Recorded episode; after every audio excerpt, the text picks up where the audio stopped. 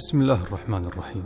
الحمد لله رب العالمين والصلاة والسلام على نبينا محمد وعلى آله وصحبه أجمعين. أما بعد يقول الإمام القرطبي رحمه الله البصر هو البوابة الأكبر إلى القلب. وهذه حقيقة إن أكبر بوابة مفتوحة على القلب هي بوابة العين البصر.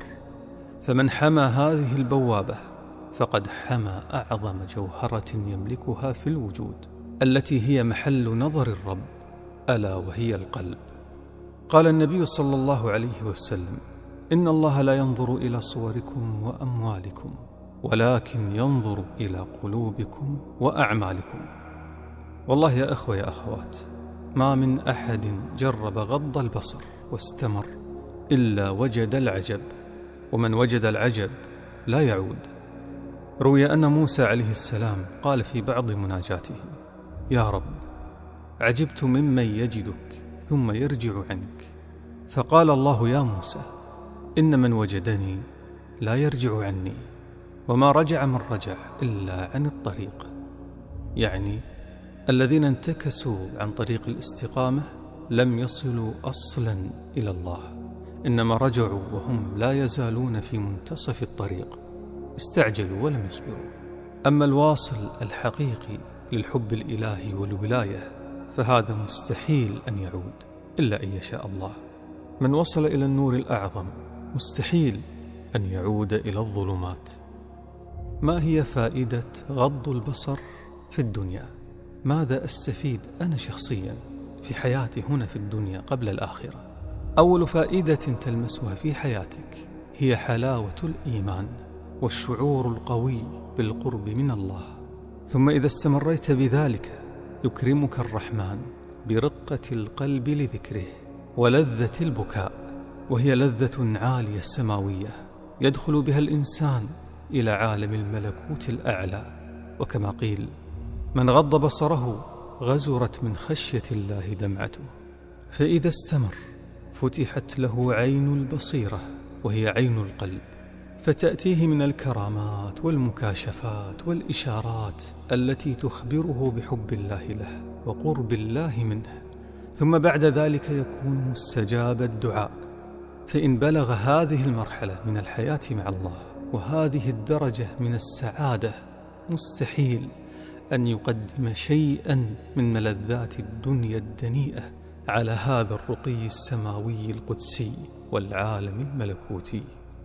وهذه من أعظم المكافآت التي يكافئ الله بها عبده المؤمن لأن من ترك شيئا لله عوضه الله خيرا منه ما هو الدليل على كلام هذا؟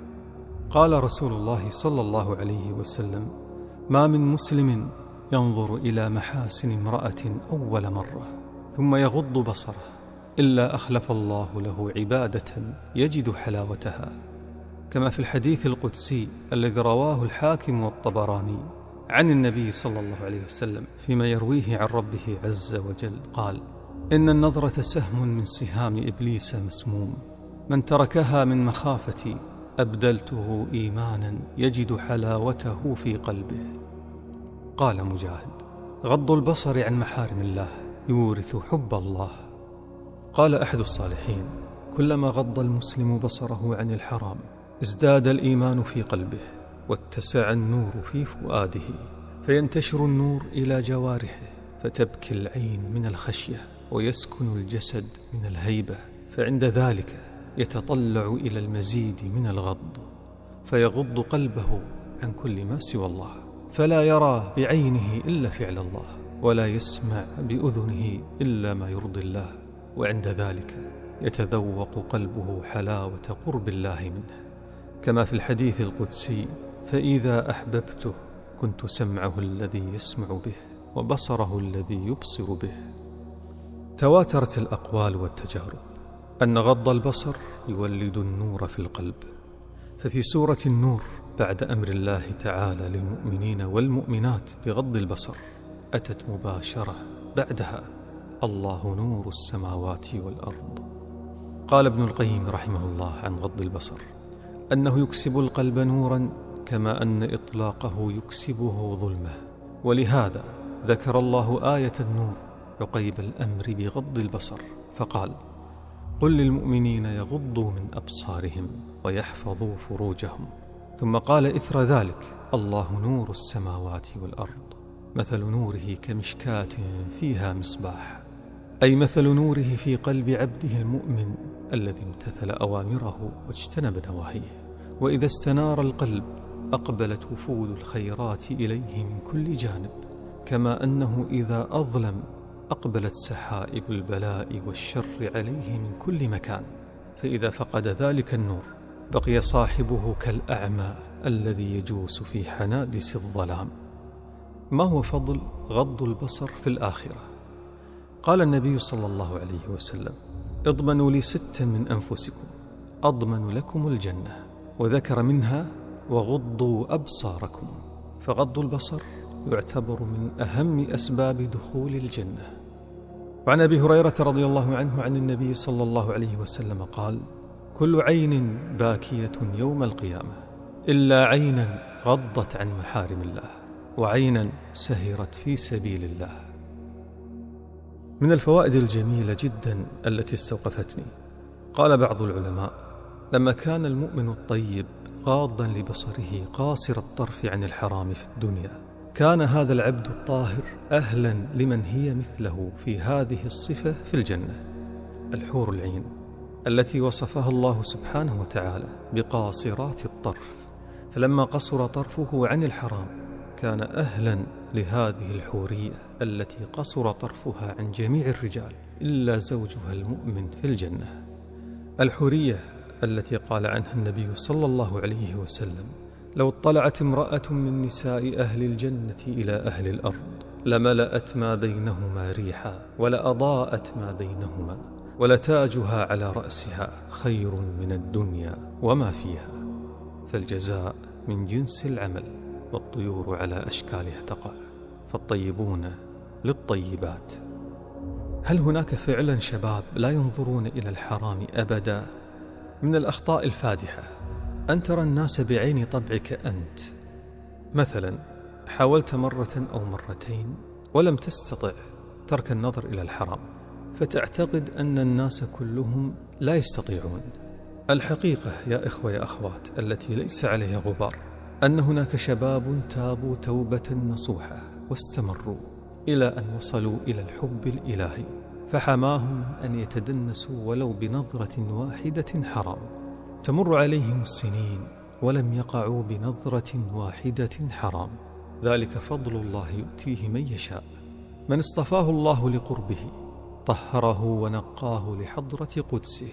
أولياء الله لا خوف عليهم ولا هم يحزنون. كما في الحديث القدسي فإذا أحببته كنت سمعه الذي يسمع به وبصره الذي يبصر به. فمن تولى الله بصره لا يقع في الحرام. نسأل الله العظيم من فضله ومنه وكرمه. علاج النظر للحرام. العلاج باختصار اصرف نظرك. لم يطلب منك حمل شيء ثقيل يكسر ظهرك أو يشقي جسدك. المطلوب شيء بسيط جدا جدا هي طرفة العين. فقط اطرف عينك عن الحرام. وهذه نصيحة النبي صلى الله عليه وسلم. يعني لو أتيت وجلست بين يدي النبي عليه الصلاة والسلام وطلبت منه النصيحة سينصحك بهذا الكلام. أحد الصحابة سأل النبي صلى الله عليه وسلم عن نظرة الفجأة. عن جرير بن عبد الله رضي الله عنه قال سألت النبي صلى الله عليه وسلم عن نظرة الفجأة فأمرني أن أصرف بصري. باختصار اصرف بصرك وارتاح.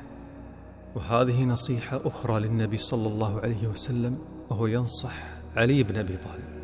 يقول يا علي لا تتبع النظرة النظرة فإن لك الأولى وليست لك الآخرة. فالعلاج الأول والأساسي والأهم وهي وصية الله لنا. قل للمؤمنين يغضوا من أبصارهم. إخواني أخواتي غض البصر لا يعني أن أمشي وأنا مغمض عيني فأصطدم بالحائط. لا غض البصر يعني عدم التركيز بالنظر إلى امرأة ملفتة جاذبة. والكلام كذلك موجه للنساء عدم التركيز بالنظر إلى شاب ملفت جاذب. غض البصر لا يعني التزمت والتشدد والانعزال عن العالم والمجتمع. والدليل أن الرسل كانوا يمشون في الأسواق ويأكلون الطعام. كما في قوله تعالى وقالوا ما لهذا الرسول؟ يأكل الطعام ويمشي في الأسواق. المؤمن إنسان طبيعي لكنه محترم راقي. يستمتع بالحياة من غير تقليب البصر بالرائح والغاد. وفي الختام أقول إن تركت لذة النظر إلى الحرام وأنت تستطيع ولا أحد يراك. تركتها حبا لله وشوقا لقربه ومرضاته. سيعوضك الله لذة لا ينالها ملوك الأرض. لذة لا تصفها ألسنة الخلق. إنها لذة الحب الإلهي إنها لذة الشعور بالقرب من نور السماوات والأرض. الله جل جلاله. فمن ذاق عرف ومن عرف اغترف. إن في الدنيا جنة من لم يدخلها لم يدخل جنة الآخرة. وكما قيل كلما طهر القلب رق فإذا رق راق وإذا راق ذاق وإذا ذاق فاق. وإذا فاق اشتاق وإذا اشتاق اجتهد وإذا اجتهد هبت عليه نسائم الجنة فيفرح بالطاعة ويصير من أسعد الناس. اللهم يا مقلب القلوب والأبصار ثبت قلوبنا على دينك. اللهم يا مقلب القلوب والأبصار ثبت قلوبنا على دينك. ربنا لا تزغ قلوبنا بعد إذ هديتنا وهب لنا من لدنك رحمة إنك أنت الوهاب. اللهم طهر أعيننا اللهم نقي أبصارنا اللهم افتح عين بصيرتنا اللهم اجعلنا من أوليائك المقربين واجعلنا أهلا أصفياء أنقياء طاهرين لقربك العظيم. تقدست أسماؤك جل جلالك. سبحانك اللهم وبحمدك. أشهد أن لا إله إلا أنت. أستغفرك وأتوب إليك.